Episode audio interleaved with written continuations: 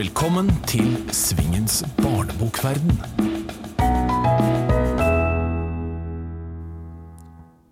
Velkommen til Svingens barnebokverden, som denne gang har besøk av to legender innenfor barne- og ungdomslitteraturen. Det er illustratør og forfatter Rune Johan Andersson, og det er illustratør og forfatter Kari Grossmann. Vi skal begynne med deg, Rune Johan. Velkommen. Hjertelig takk. Du er avistegner og har illustrert både egne bøker og andres bøker, og forfatter av uh, bildbøker. Men eh, jeg har lyst til å starte denne samtalen med en helt spesiell bok, og som har en helt spesiell posisjon i norsk eh, barne- og ungdomslitteratur. Og ikke bare det. I år, denne måneden, så er det altså 100 år siden André Bjerke ble født. Og du eh, illustrerte boka som heter Morovers som var også hans uh, samlede barnedikt, da den kom ut i uh, eh, 1980. Og det må jo Kan vi rett og slett ikke kalle noe annet enn en barnelitteraturklassiker i Norge i dag. Nei, hyggelig å høre det. Det var veldig spesielt. Jeg fikk en forespørsel da en gang i 1979, eller ja, tidlig på året, om jeg kunne tenke meg å lage noen prøvetegninger til dette her. sånn, fordi Forlaget de hadde ikke pekt ut meg spesielt, men de ville ja, si, sette ut på anbud. De ville se hva André Bjerke likte.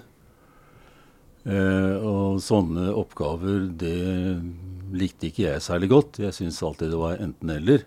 Vil de ha meg, så vil de ha meg. Jeg kan ikke drive og konkurrere. Men eh, dette var litt for Hang litt høyt. Nå var ikke jeg noen ekspert på André Bjerke på forhånd, og, og i 70-tallskretsen var jo ikke han så veldig populær, iallfall ikke i min omgangskrets. men og barneversen hans kjente jeg ikke i det hele tatt. Jeg var veldig familieløs og ikke barn eller noen ting den gangen. Men jo, André Bjerke, det var jo hang høyt, da. Så jeg lagde et par prøvetegninger. Eh, Bl.a. om en rotte, som jeg gjorde meg veldig flid med. Og gjorde som jeg pleier å gjøre, og ga liksom tegningen en litt annen tillegg enn det som lå i diktet.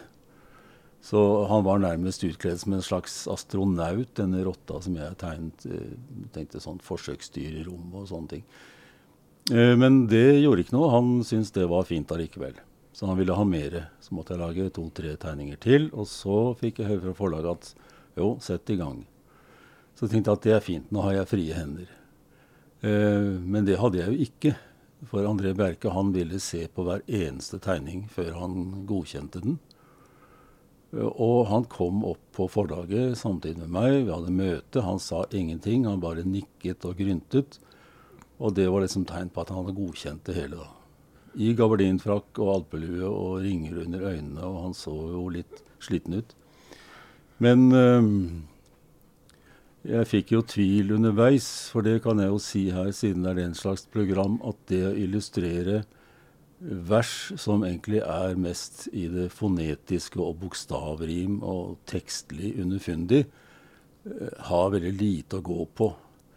Jeg var vant til fra avisliv og, og, og si, eget liv, og nettopp som med den rotta, å legge ting til eller sette ting inn i en annen sammenheng for å leke meg litt eller prøve ut ting osv. Men det gikk ikke her, gitt. Men så tenkte jeg ålreit, det får være som det er. Og det var liksom uh, mor og far med genser på kryss og tvers, og barnet fikk ruter og alt dette her, som jo er morsomt også visuelt. da. Noe av det var nesten umulig visuelt å, å formulere, men uh, jeg gjorde så godt jeg kunne, for å si det sånn. Og det ble godtatt, og jubel. Og det var et stort stykke arbeid. Det tror jeg holdt på hele ja, halvt, trekvart år. For meg var det mye den gangen, for jeg tegna så veldig mye også i avis samtidig. Um, så skjedde det i tillegg da, at jeg gikk til nå salige Stray i det som het Galleri 27, som var for så vidt et velrenommert og, og kjent galleri. Jeg hadde stilt ut der før med avistegninger. Og sa 'se her, er dette noe for deg?' Og han skrek av fryd. André Bjerke, fantastisk. Så det ble utstilling. Og ikke visste jeg det, og ikke visste noen andre det òg. Ikke galleristen selv, men André Bjerke troppet opp på åpningen. Mulig han var bedt av forlaget, de visste om det. Og uoppfordret og helt uh, til lammende jubel så leste han høyt fra boka der. Det var liksom et høydepunkt. Jeg tenkte at dette er en anerkjennelse. Så da skjenket jeg bukket som en konfirmant og skjenket han en original fra denne samlingen her. Og han smilte da inni, inni gabardinfrakken og alpeluen og tok det med seg og forsvant.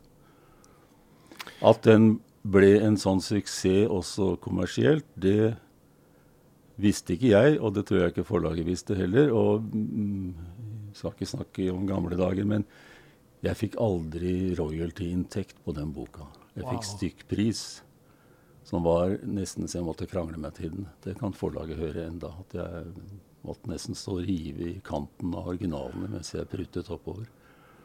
Og den gikk jo i utallige opplag. Ja. Eh, men det er en samling med dikt, er det ikke det? Sånn at noen av dem var utgitt før, eller var alle utgitt tidligere? Alle var utgitt. Det var tre mm. forskjellige bøker som var utgitt en gang på 50-tallet. Men var de illustrert den gang? Ja, de var det. skjønner du. Og jeg husker ikke navnet på da denne da en kvinnelig illustratør som var veldig 50-tallaktig og veldig fine, men uh, veldig 50-tall. Og det var liksom trykket i holdt på å si uh, rasjonaliseringstidens farger. Det var liksom to-tre farger bare. Uh, med enkel strek. Jeg hadde ikke sett de før, men de var veldig tidstypiske, og det kan jeg jo si nå at de passet vel bedre til diktene enn det jeg gjorde, eller det som kanskje har vært gjort senere, uten å si noe gærent om det. Eh, fordi det er jo tidstypiske ting også. Det var jo den lekenheten til André Bjerke som jeg syns var veldig 50-tallet-aktig. Mm. Ja, for det er jo eh, språklig sett veldig lekne dikt. Fantastisk. Og, eh, jeg syns jo også illustrasjonene dine, som jeg personlig har et veldig sterkt forhold til, siden jeg vokste opp på den tiden Og uh, jeg siden da har jo klart å skaffe meg, akkurat som André Bjerke, har jeg en av originalene fra den, uh, den uh, boka. Det jeg kjøpte da du hadde en stor utstilling på Tegneforbundet. Men jeg lurer litt eh, Du har nevnt noe om det. Men vi, fem år senere så døde jo André Bjerke. Og det virker på meg som, sånn som du forteller, at han var en uh, litt sånn tilkneppet, uh, seriøs mann. Men så har han altså disse andre sidene som blir til disse diktene. Og jeg vet ikke hvordan han var til å lese opp, det kan sikkert du fortelle litt om. Men altså hadde han Hvordan var han som person? Ja, som sagt, han gryntet eller lagde mm, andre lyder og snakket egentlig ikke når jeg traff han. Men når han begynte å lese opp, så ble han jo den lekende stemmen som vi har hørt i radio også. Og disse her kom jo ut uh, lenge siden som en lydbåndkassett omtrent samtidig med boka, med omslaget på kassetten osv. Og, og der hører jo at han uh, må ha hatt et vanvittig indre liv, fordi um, han blir jo diktet selv når han leser det. Altså rette betoning, tyngden på de rette ordene, og få liksom vitsen med det hele. Uh, skal ikke jeg sitere han, for jeg husker ikke diktene utenat alle sammen, men det er iallfall uh, eh, Han uh, leker i ordene i ordspråket og tonefallet, og så setter han liksom tyngden ned på det siste stavelsen, som på en måte er hele verset. Og det er jo for barn eh, Nå skjedde jo det i verden at jeg etter hvert eh, fikk barn sjøl.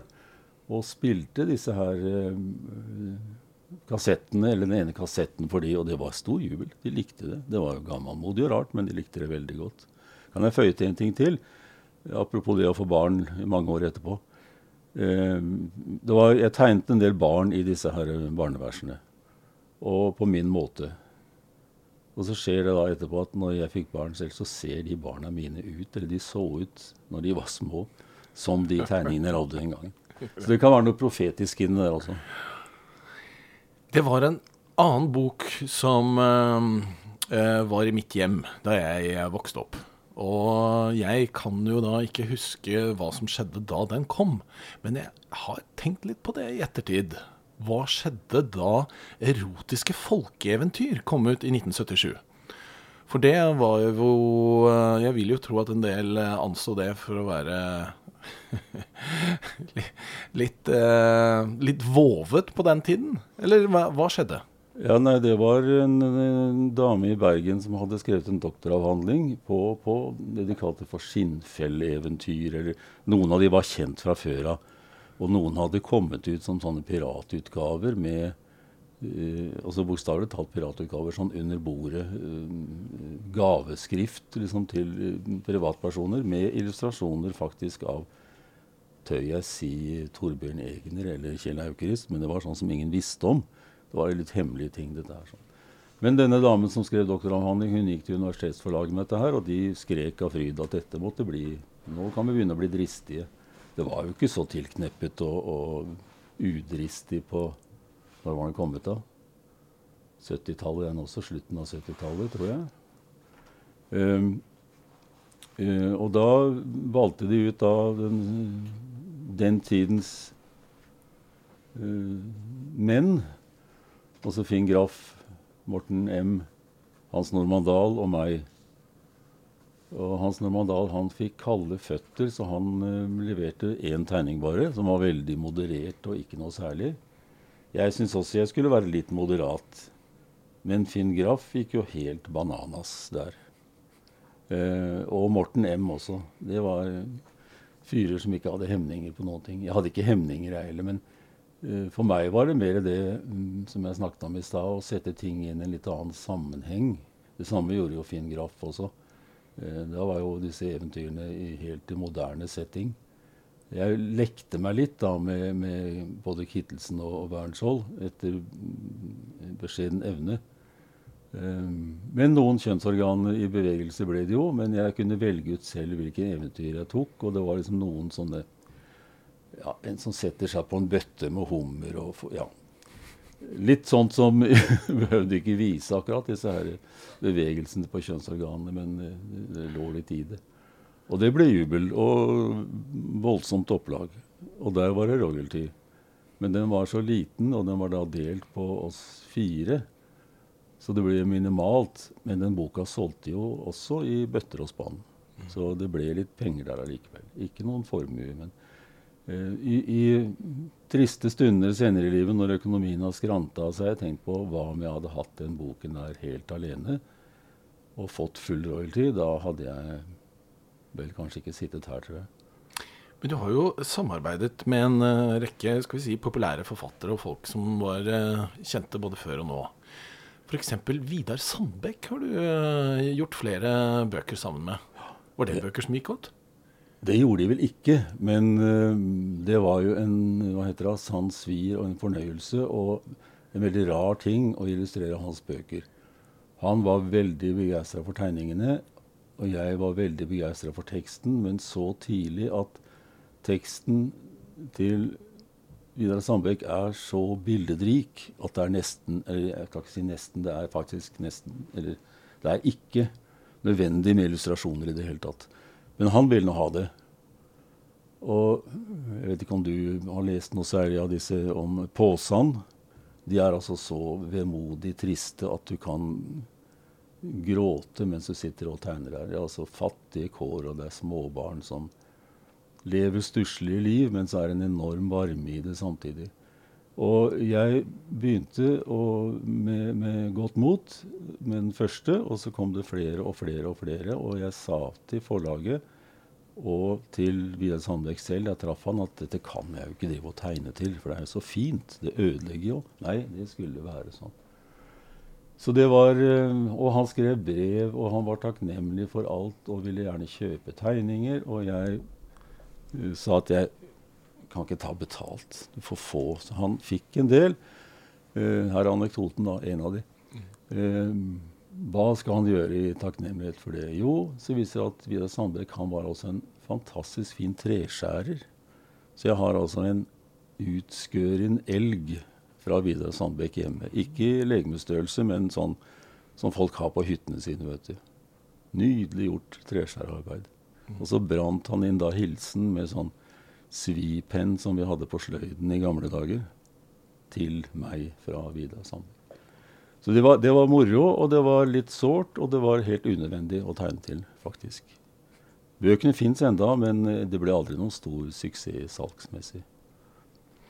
Men hvis vi ser på listen over uh, de du har illustrert for, altså hvor andre har skrevet teksten, så er det jo uh, veldig mange uh, navn. Men jeg vil jo nevne f.eks. Tor Edvin Dahl, Lars Saabye Christensen, Knut Fallbakken, uh, Gjert Nygårdshaug. og hvis du skal på en måte si noe generelt om det å jobbe med andres tekst, hvordan, har det, eh, hvordan går du i gang da? Hva er eh, på en måte utfordringene, og hva er det som er det fine ved det? Eh, det fine er jo hvis jeg kan stå Eller nå snakker jeg nesten i fortid, for dette her gjør jeg ikke så mye lenger. Fine er hvis jeg kan få forsikring om at jeg står fritt selv til å tolke.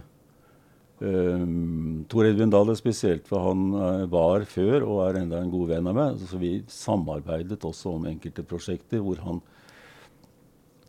ga en idéskisse, og jeg lagde tegninger før han skrev teksten. Bl.a. en bok som het 'Den hvite natten', som var en skattejakt. Som ble en veldig fin bok, syns jeg. Men uh, poenget var å finne en skatt skjult i tekst og tegning. Det en, fungerte ikke.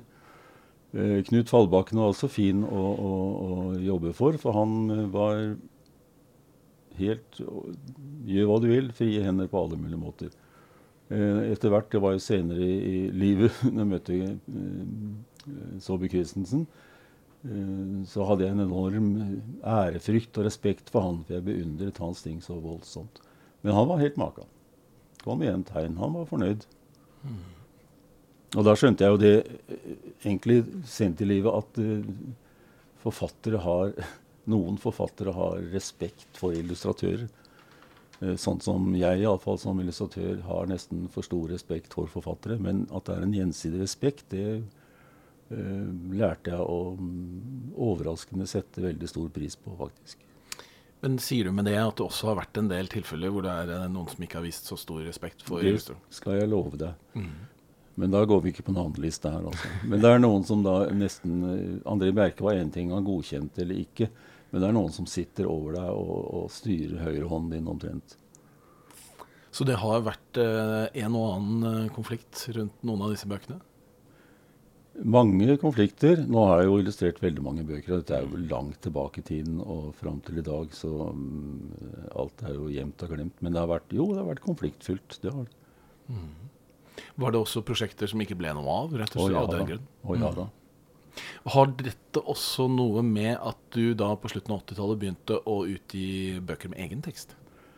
Det er jo akkurat det som er bakgrunnen. For jeg, som jeg sa i stad, jeg har hatt enorm respekt for forfattere.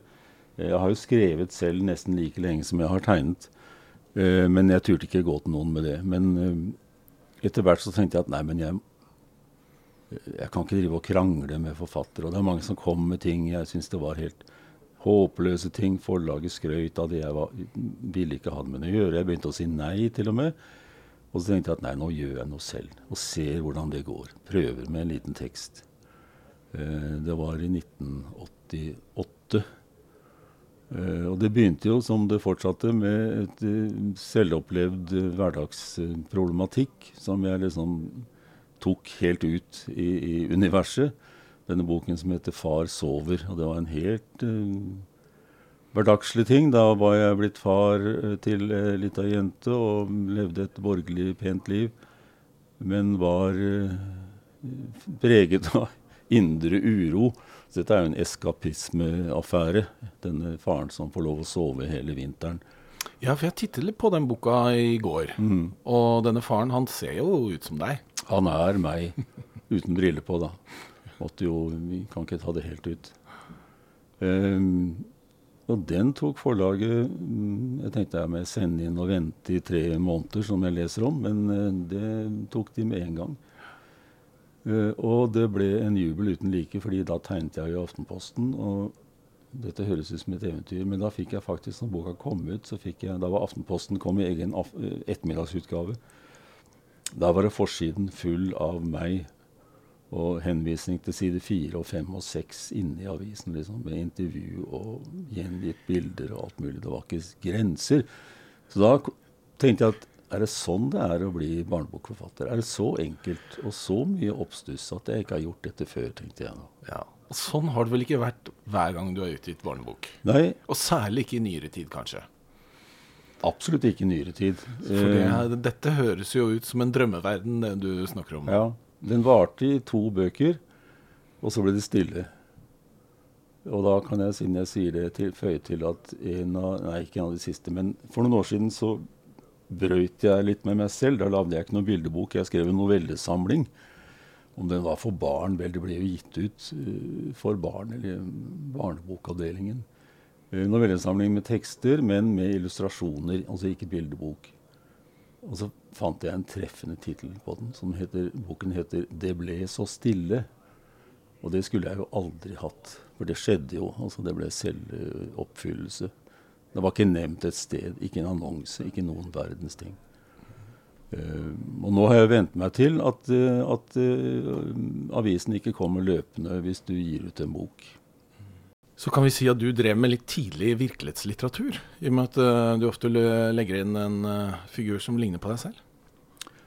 Ja, jeg gjorde det. Og i, i si, familiesituasjoner som jeg tok helt ut og broderte ut, det var vært liksom begynnelsen på den. Eh, nå får jeg jo eh, kjeft av, av voksne barn for at de føler seg utlevert, og familiesituasjonen osv. Eh, jeg kan føye til at eh, etter 20 år, etter at eh, Far sover-boken kom, så tenkte jeg nå får jeg avslutte dette her far-systemet. Og så skrev jeg en liten bok som heter 'Far alene', eh, som var helt motsatt av den estapistiske altså rømme fra, fra familielivet-boken som den første var. Og Det var far som var igjen alene hjemme, barna var flyttet ut osv. Og, og den fikk jeg en tilsvarende stor oppmerksomhet på, ikke i aviser og radio og TV, men blant uh, lesere som reagerte veldig positivt på den. Og det var da særlig menn på min egen alder som følte seg truffet, og som rørt takket for den boken der. Som de ga sine barn i julepresang osv. Voksne barn. Da. Så um, en misjon har det hatt, det der. Du har allerede fortalt en eh, anekdote, men eh, jeg har en følelse av at du har en til på lager. Ja, den er helt annerledes. Men den er jo i fullt sammenheng. Og det eh, handler om hvorfor jeg ikke har deltatt i kulturelle skolesekker eller har reist rundt med opplesninger. Jeg har gjort det en gang på Lillehammer. Etter oppfordring så skulle da skoler i området velge seg en forfatter, og jeg ble utvalgt av selvfølgelig Steinerskolen på Lillehammer. Da hadde jeg hatt barn på Steinerskole selv, så jeg visste vel nesten hva jeg gikk til, men jeg sa ok, det er noe kjent ved det der sånn. Så jeg dro ut til Steinerskolen på Lillehammer, langt oppe i skogen. Der lå det et lite mm, knøttpalass av antroposofiske bygninger. Og barna sto i tette skarer foran porten og ønsket meg velkommen.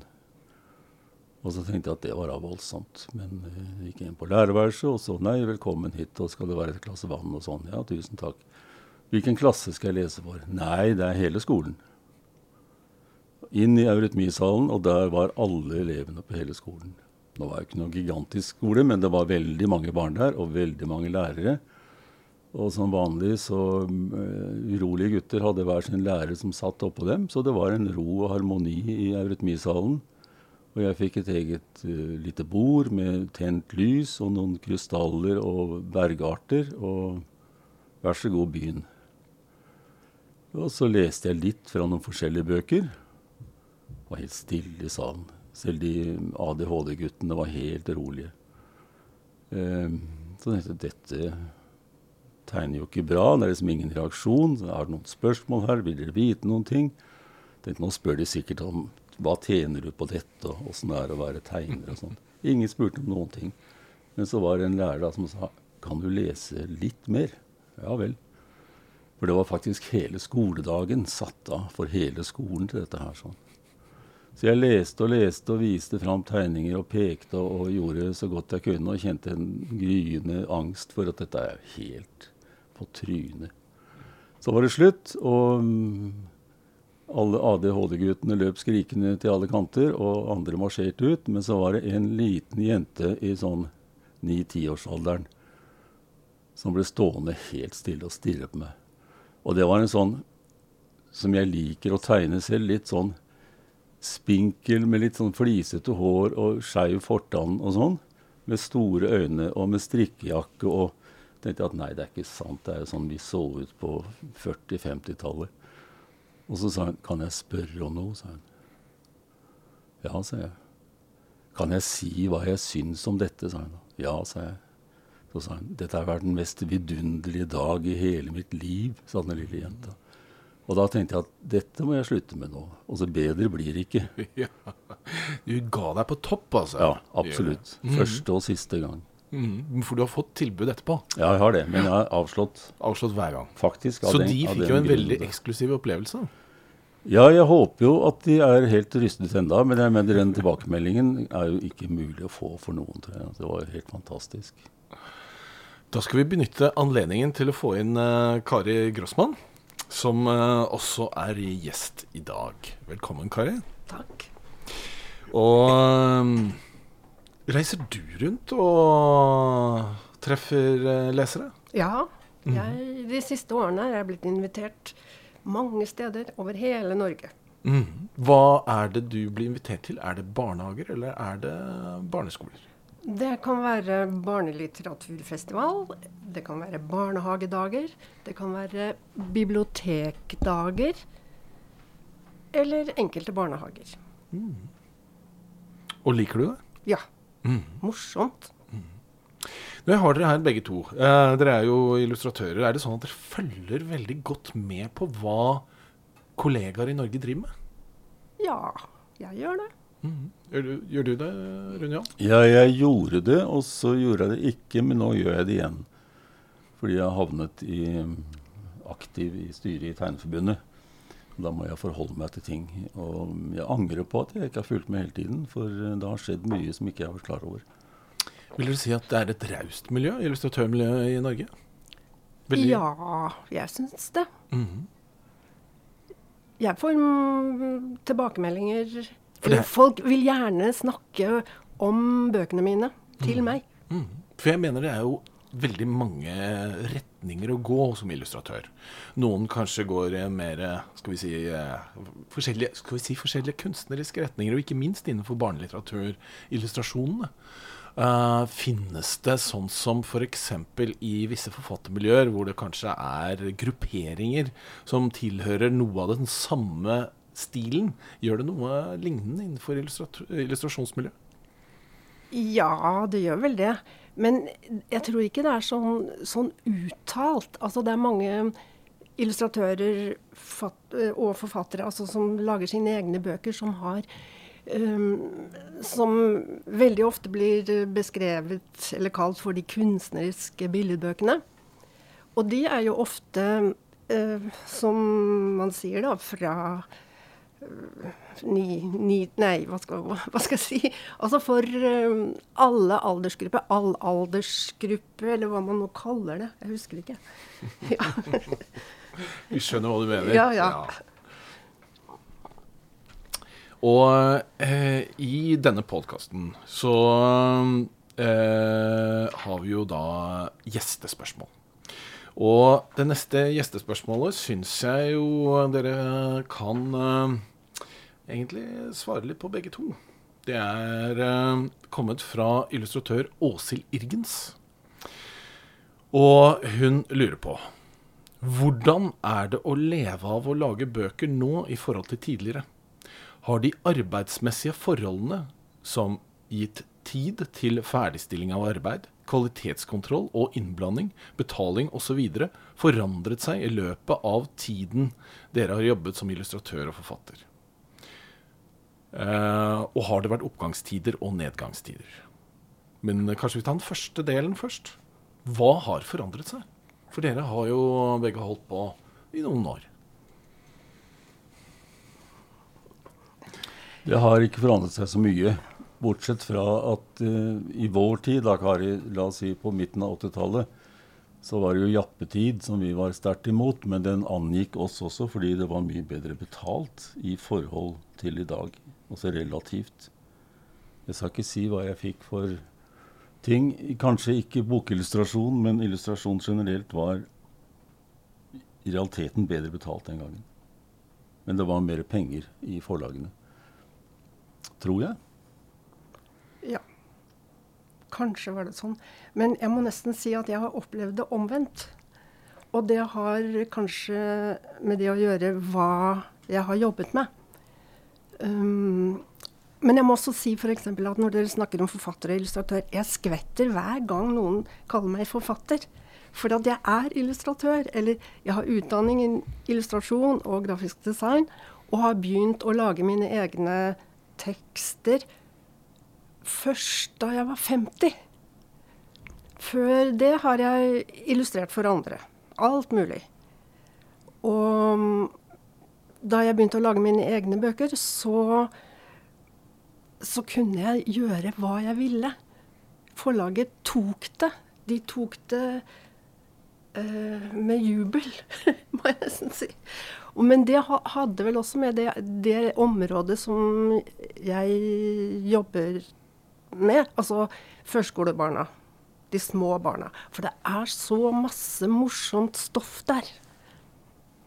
Men har du også inntrykk av at det er en del uh, illustratører som ikke vil røre i den type bøker? Nei, det Nei. syns jeg ikke. Men uh, i forhold til da du da begynte med egne bøker mm. Og uh, det kommer jo ut langt flere bøker i dag enn da du debuterte mm. med egne bøker i skal vi se, er det 1988? Stemmer det? Ja. Mm. Ja. Og um, så har du jo selvfølgelig hatt uh, uh, bøker som eh, utvilsomt har gått veldig bra, og som veldig, veldig mange barn har et forhold til. gir det også en frihet?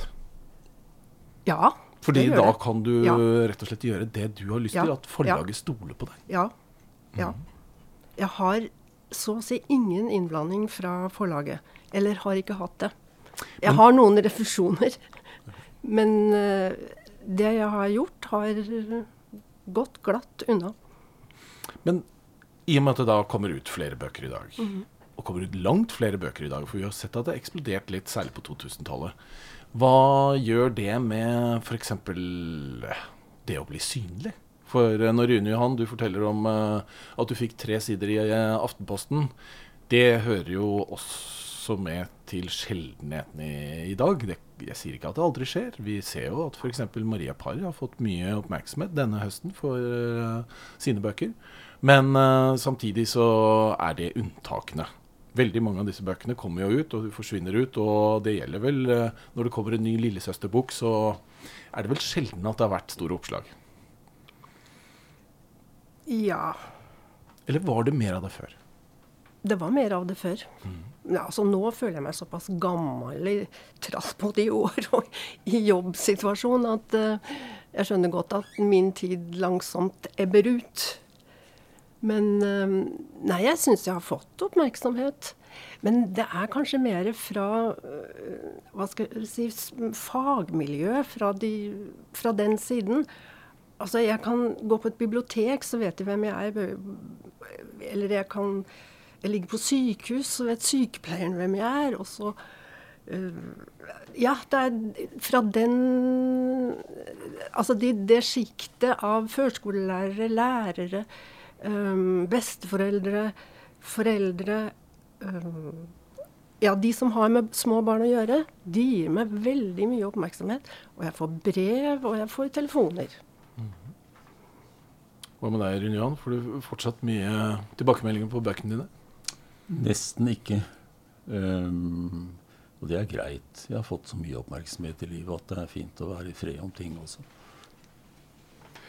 Um, vi har som sagt uh, gjestespørsmål. Jeg har lyst til å ta til dere begge det andre spørsmålet fra illustratør Åse Lirgens. Og hun skriver illustrasjoner parentes, og skriving, kan ha veldig mange kvaliteter som originalitet, berøringskraft, humor, mot, komposisjon, farge, poesi, kommersialitet, håndverk med mer. Og arbeid fra ulike utøvere innehar ofte vidt forskjellige kvaliteter. Er det noen kvaliteter dere verdsetter spesielt høyt for egen del og i andres arbeid? Ja, det var et vanskelig spørsmål. Ja, de langt- Gjestespørsmålene er som regel veldig vanskelige. Nemlig. Altså kvaliteter hos andre Og i eget arbeid. i eget arbeid. Jeg kan ikke svare på det, men jeg kan si jeg beundrer mange veldig dyktige illustratører eh, som Jeg vil ikke nevne navn her, men det er noen som er utrolig dyktige til å ta en del av en stemning fra et stoff og, og nesten iscenesette det på en måte som gjør at um, det blir en helt annen bok enn hvis en annen hadde illustrert den Uh, får den til å bli sin egen, egen bok, sin egen tekst, selv om vedkommende da kun står for illustrasjonene. Uh, det er vanskelig å gjøre det når, både for deg og meg, siden vi skriver og tegner selv, så kan vi ikke forandre det ut ifra. Jeg beundrer de som klarer det, å, å skape en helt ny verden ut ifra en tekst som man ikke skulle tro kunne bli den verden i det hele tatt. Forsøk på svar? Ja. Absolutt. Kari, har du noe Ja, nei, nei, nei, nå- Rune han sier bestandig så mye klokt. Jeg vet ikke hva jeg skal si. Nei, men jeg syns det er også an, altså de som lager um, annerledes bøker enn meg, eller som har andre så dumt å bruke målgruppe, men som som lager så fine ting. Altså Jeg har lyst, bare lyst til å nevne Fam Ekman, f.eks. Hun lager utrolig fine bøker. Selv om jeg ikke har uh, Jeg prøver å lese dem for barn. Det nytter jo ikke. Men, uh, eller i hvert fall har ikke jeg fått det til. Men selv, altså jeg har, en egen, uh, har egne områder i bokhylla med de jeg beundrer. Fam, og en hel rekke av de norske illustratørene. Og jeg syns også at norsk eh, bokillustrasjon er Det er så mange flinke folk. Og det, de er jo også blitt premiert ute i Bologna f.eks. Og, og kommer ut i andre land. Apropos eh, Fam Ekman, så vil jeg bare nevne at jeg forespurte henne om hun hadde et gjestespørsmål til dere. Og da svarte hun nei, det har jeg ikke, for de kjenner jeg for godt. ja.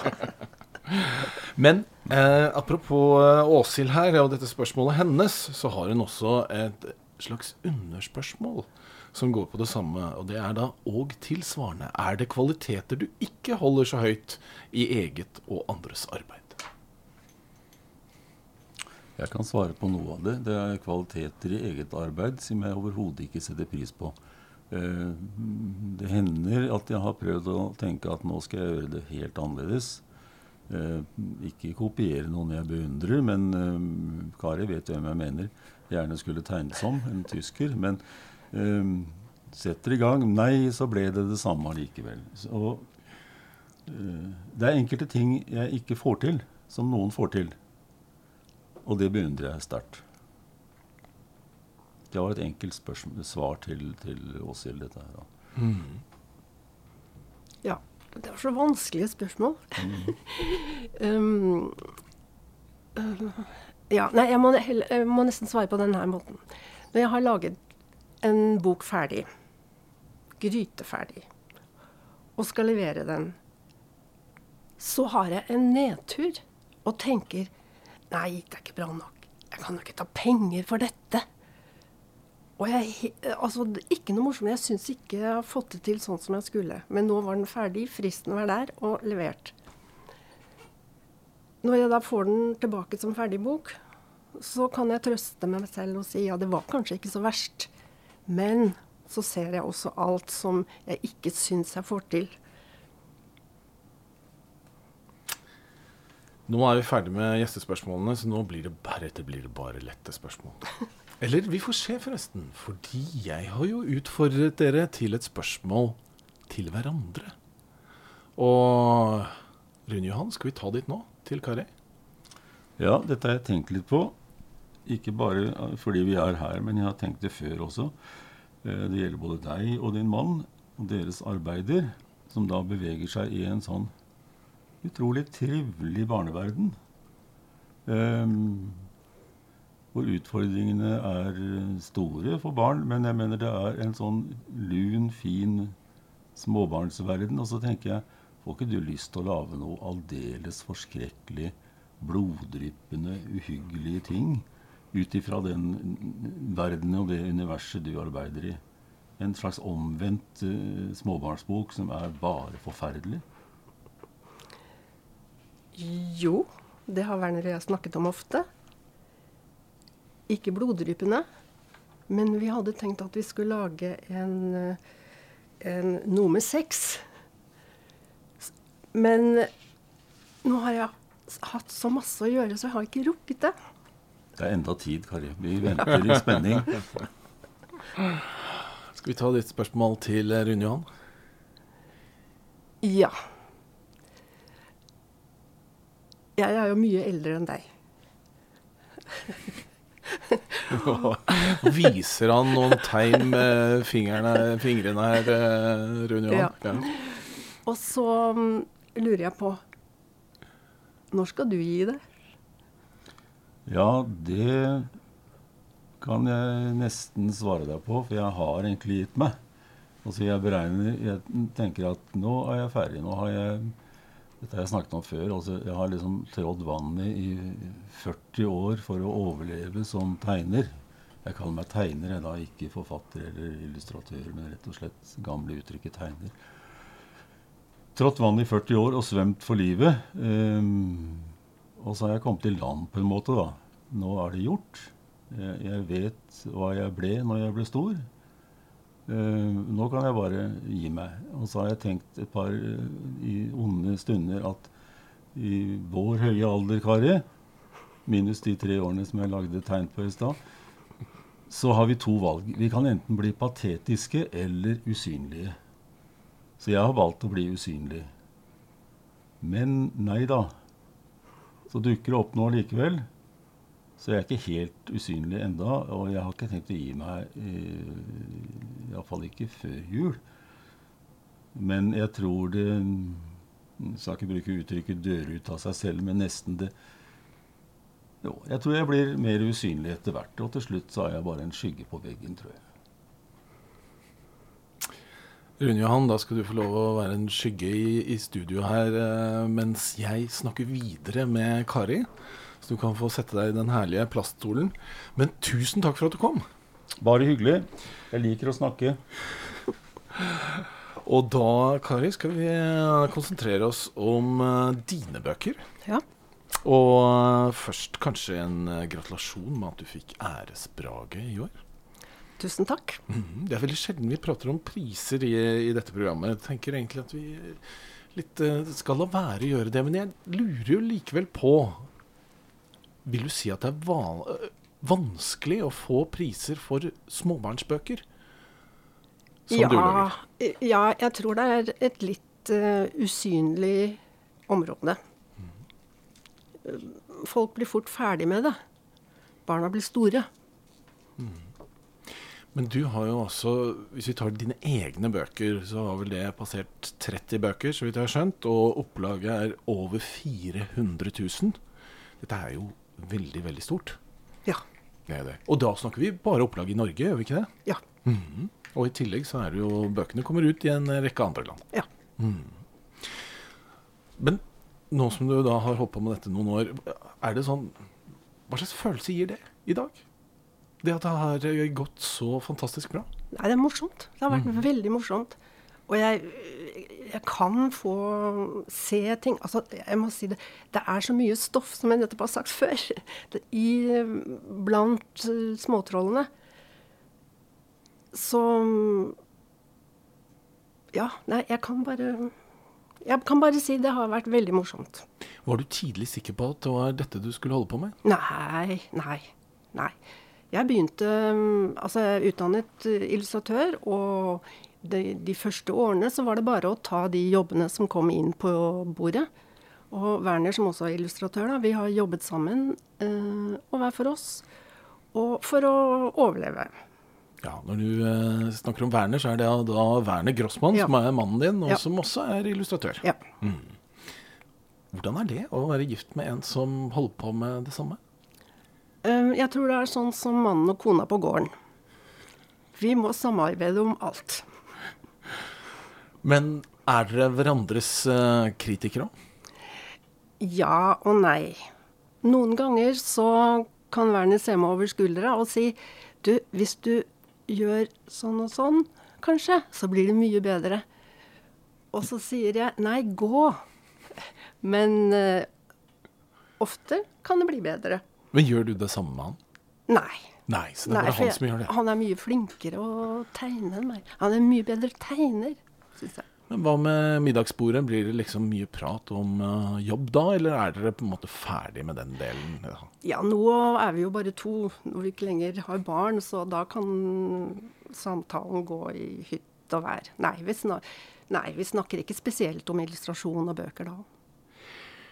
Når jeg eh, titter på bøkene dine, så er det jo eh, en ting som kanskje slår meg litt, og det er barns nysgjerrighet. Ja. Det føler jeg at de på en måte får eh, brukt veldig mye i bøkene dine. Vil du si at det er kanskje noe du har vært flink til å beholde i deg? Den barnlige nysgjerrigheten? Ja, kanskje. Altså, når jeg har et tema, så kan jeg gå inn i og samtale med treåringen i meg selv, men også de treåringene jeg kjenner rundt omkring. Nå er det jo eh, knapt noen barnehage du kan dra i i Norge uten at man finner bøkene dine.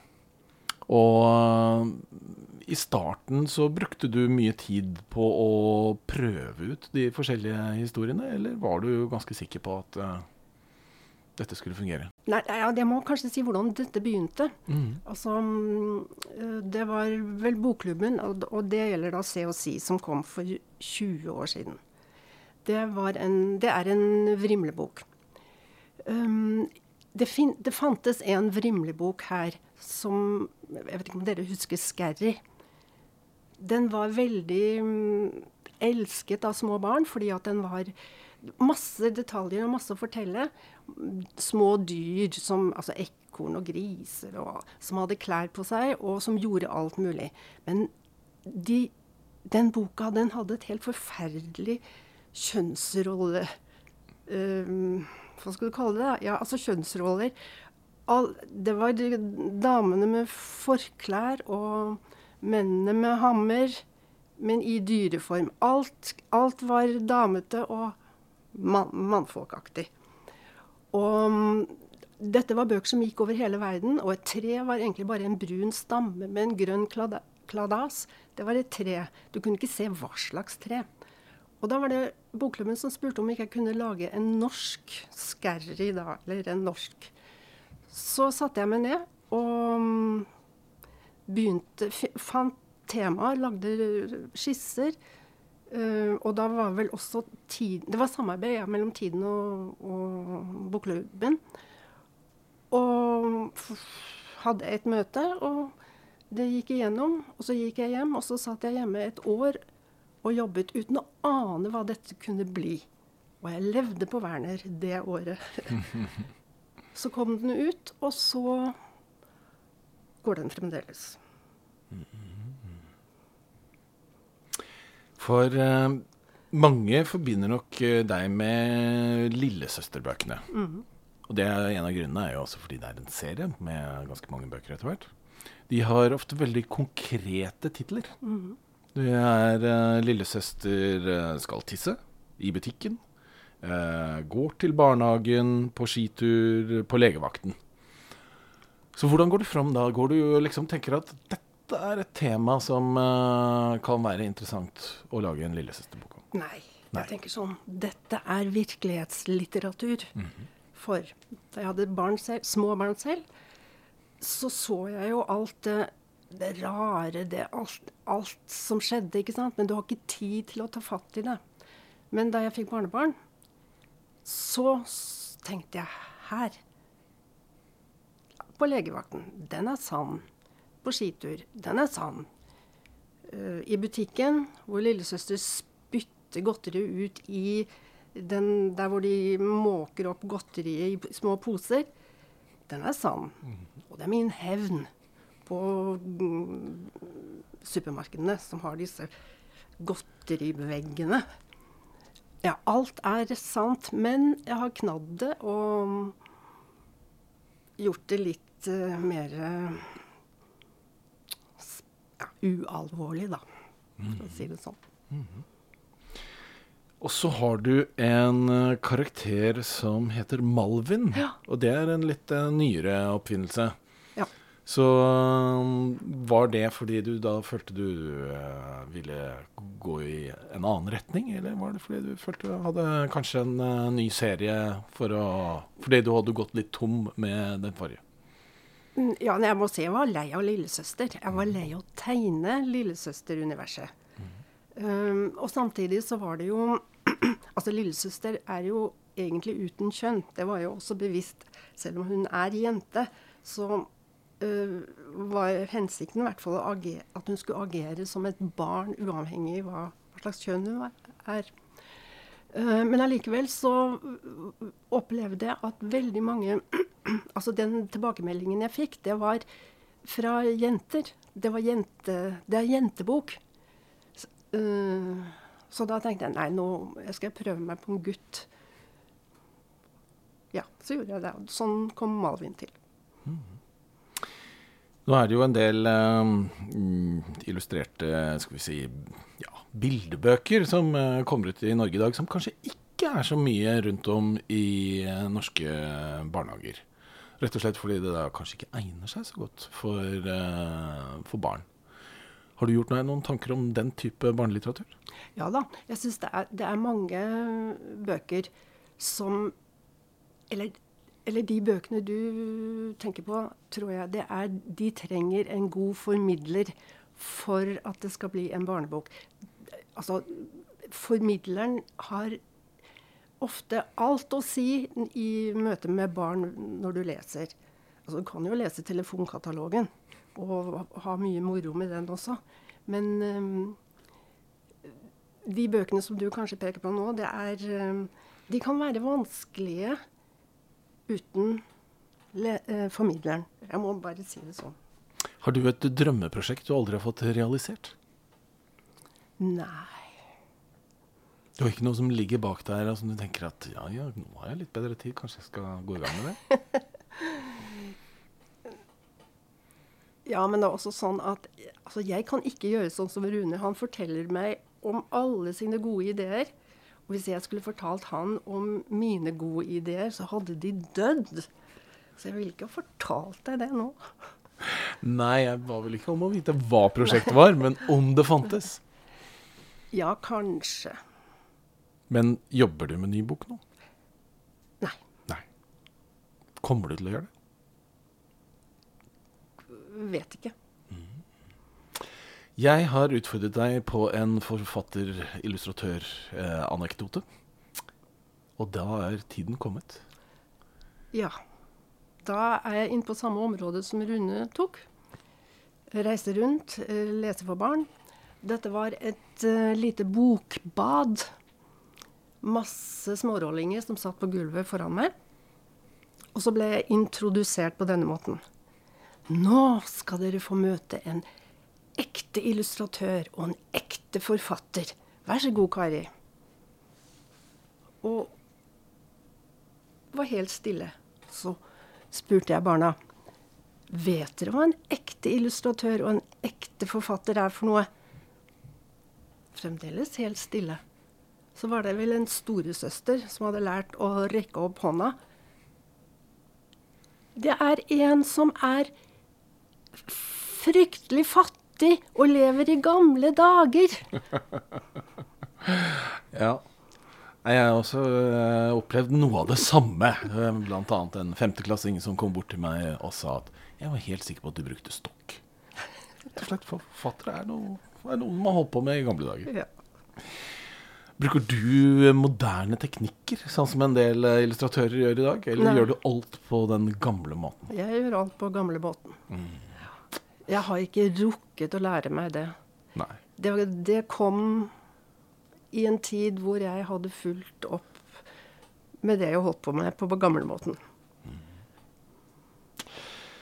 Tusen takk, øh, Kari, for at uh, du kom. Svingens barnebokverden er tilbake med to nye gjester om en måned.